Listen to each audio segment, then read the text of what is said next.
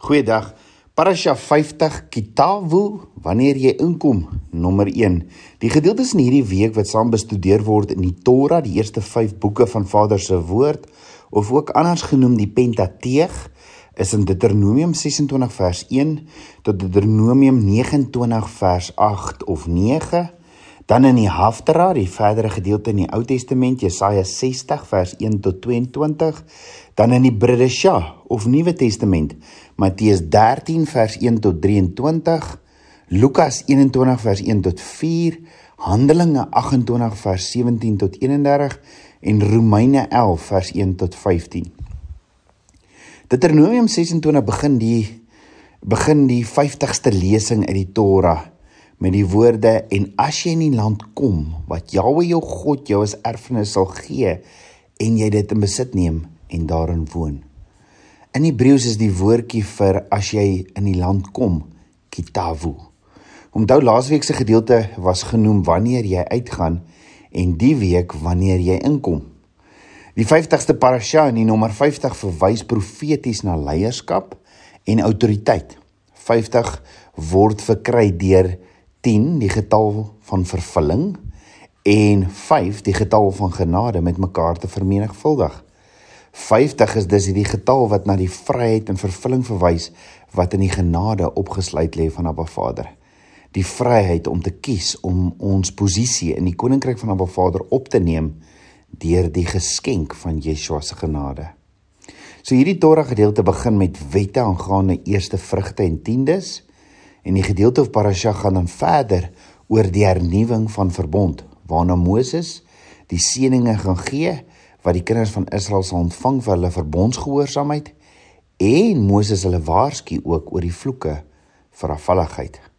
So in die Torah gedeelte vir die week sien ons in Deuteronomium 26 vers 1 eerste vrugte en tiendes, vers 16 die afsluiting van sy gesprek, dan Deuteronomium 27 vers 1 die ingeskrewe klippe en altaar op berg Ebal, dan vers 11 die 12 vloeke dan Deuteronomium 28 vers 1 wat ons baie goed ken, die seëninge vir gehoorsaamheid, dan Deuteronomium 28 vers 15 waarskuwings tussen ongehoorsaamheid.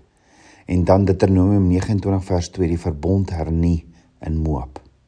In die Haftara of profete gedeelte vir die week sien ons in Jesaja 60 vers 1 die insameling van verspreides die insameling van verspreides, dan vers 29 Abba Vader eer.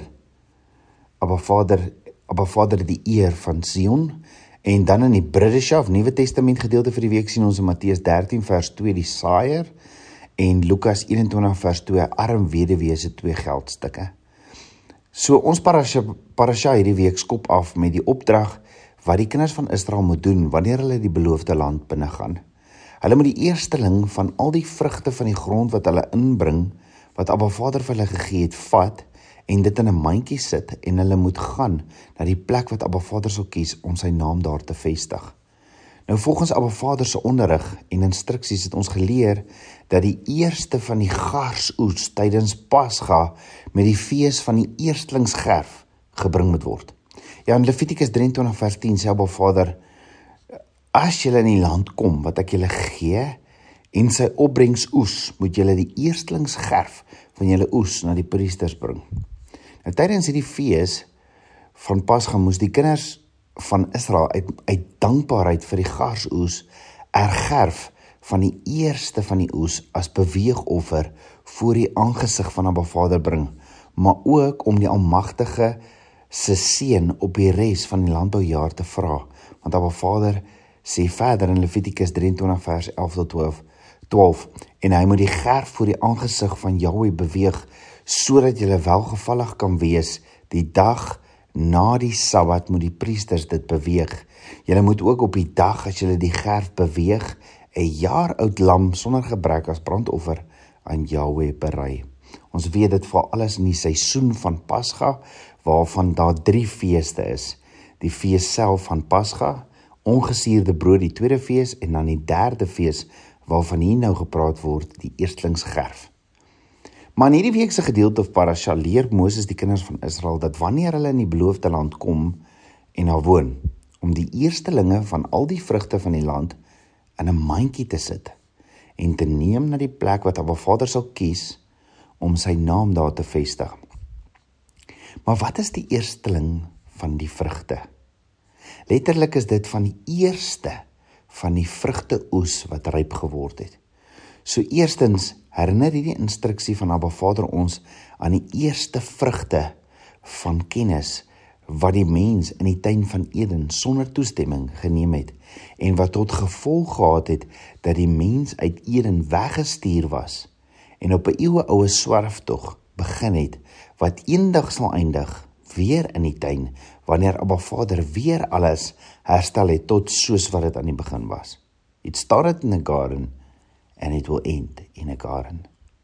Om dus van die eerstelinge van die vrugte te bring is as ware om die vrugte wat die mens sonder toestemming in Eden geneem het aan Abba Vader terug te besorg en te sê en sê soos in Deuteronomium 26 eh, vers 3 soos wat Abba Vader sê waar ons moet verklaar waar hy, waar daar staan in eh, in Deuteronomium 26 vers 3 ek verklaar vandag aan Jahweh my God dat ek in die land gekom het wat Jahweh ons vaders met 'n eed beloof het om aan ons te gee ook verklaar ek soos Deuteronomium 26 vers 4 tot 5 verder sê my vader was 'n swerwende arameer en het na Egipte afgetrek en daar as vreemdeling vertoef met min mense maar hy het daar 'n groot, magtige en 'n talryke nasie geword.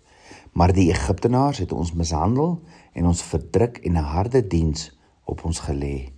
Toe het ons Jahwe die God van ons vaders aangeroep en Jahwe het ons stem gehoor en ons ellende en ons moeite en ons verdrukking aangesien en Jahwe het ons uit Egipte uitgelei deur 'n sterkte sterke hand en 'n uitgestrekte arm en deur groot skrikwekkende dade en deur tekens en wonders en hy het ons na hierdie plek gebring en ons hierdie land gegee, 'n land wat oorloop van melk en honing.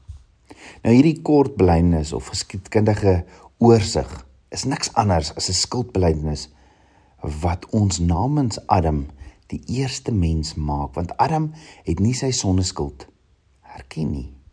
Onthou Adam het gaan wegkruip en die blame vir sy oortreding op op 'n vader probeer plaas deur te sê in Genesis 3 vers 12: "Die vrou wat U my gegee het om by my te wees, sy, dis sy, sy het my van die boom gegee en ek het geëet." So omdat ons deel van Adam is, deel van sy saad en ons nie dieselfde fout as Adam wil maak nie, gee ons ook met skuldbelydenis aan Abba Vader van die vrugte terug wat ons onwettig van geëet het. Die tweede Adam, Yeshua het vir ons die weg voorberei, want 1 Korintiërs 15 vers 45 sê, die eerste mens Adam het 'n lewende siel geword, die laaste Adam 'n lewendmakende gees. Met die werklikheid van sonde, vergifnis in Yeshua kan ons nou weer eet van die boom van lewe. Tweedens is die beloofde land 'n sinnebeeld van Abba Vader se beloftes wat ons deur gehoorsaamheid aan sy woord ontvang. Ja Deuteronomium 26 skilder dit vir ons 'n prentjie van 'n vrolike en 'n dankbare offerande wat ons bring wanneer ons Abba Vader se beloftes ontvang het. Dit verskil van die onderrig en instruksies van die offerandes, die korban, ula van die tabernakel wat in Levitikus 1 tot of selfs in die tempel um, in die opsig dat die eersteling van al die vrugte moet gebring in volle erkenning en belydenis van dit wat Abba Vader vir ons gedoen het en op die wyse uit dankbaarheid vir die teenwoordigheid van Abba Vader vrolik te wees. Ja, Abba Vader sê in Deuteronomium 16 vers 10 tot 11, dan moet jy die fees van die weke hou vir en jou God ooreenkomstig die vrywillige offer van jou hand wat jy sal gee na mate en jou God jou sal seën. En jy moet vrolik wees voor die aangesig van Jahwe jou God. Jy en jou seun en jou dogter en jou slaaf en jou slavin en die leviet wat in jou poorte is en die vreemdeling en die en die weens die en die wees en die weduwee wat by jou is op die plek wat Jahwe jou God sal uitwys om sy naam daar te laat woon.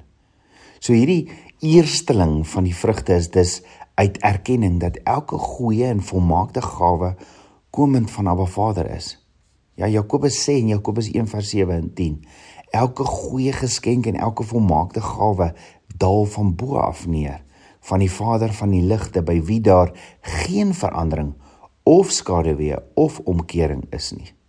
So die kinders van Israel moet dit erken en bely dat hulle en net so ons niks het om op te roem nie behalwe om te roem op die goedheid en guns van 'n Vader. En daarom sê Paulus ook in 1 Korintiërs 4 vers 7, want wie trek jou voor en wat het jy wat jy nie ontvang het nie? En as jy dit dan ontvang het, waarom roem jy asof jy dit nie ontvang het nie? So dis dis om te roem op dit wat ons van 'n Vader ontvang het. Die eersteling van al die vrugte is 'n offerande aan Abba Vader en in die opsig dien dit dieselfde doel as die tabernakel offerandes daardie korban ola, naamlik om nader aan Abba Vader te beweeg op die plek wat hy sal kies om sy naam te te vestig. So die eersteling van al die seëninge wat ons ontvang behoort aan Abba Vader en hy vra dat ons dit sal bring om in sy teenwoordigheid vrolik te wees. Dis waant ons gaan nou in hierdie feestydde wat van Abba Vader wat voorlê. En Dit is om te verklaar dat ons vandag die beloftes ontvang het wat Abba Vader met 'n eed beloof het om aan ons te gee.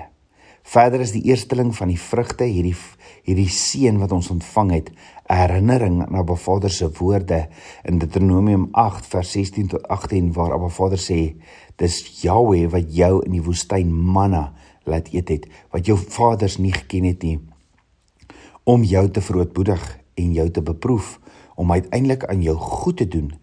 En jou in jou hart en jy wat in jou hart dink my krag en die sterkte van my hand het vir my hierdie rykdom vererwe. Maar dink aan jou en jou God dat dit hy is wat jou krag gee om rykdom te vererwe en dat hy sy verbond kan bevestig wat hy aan jou vaders met 'n eed beloof het soos dit vandag is.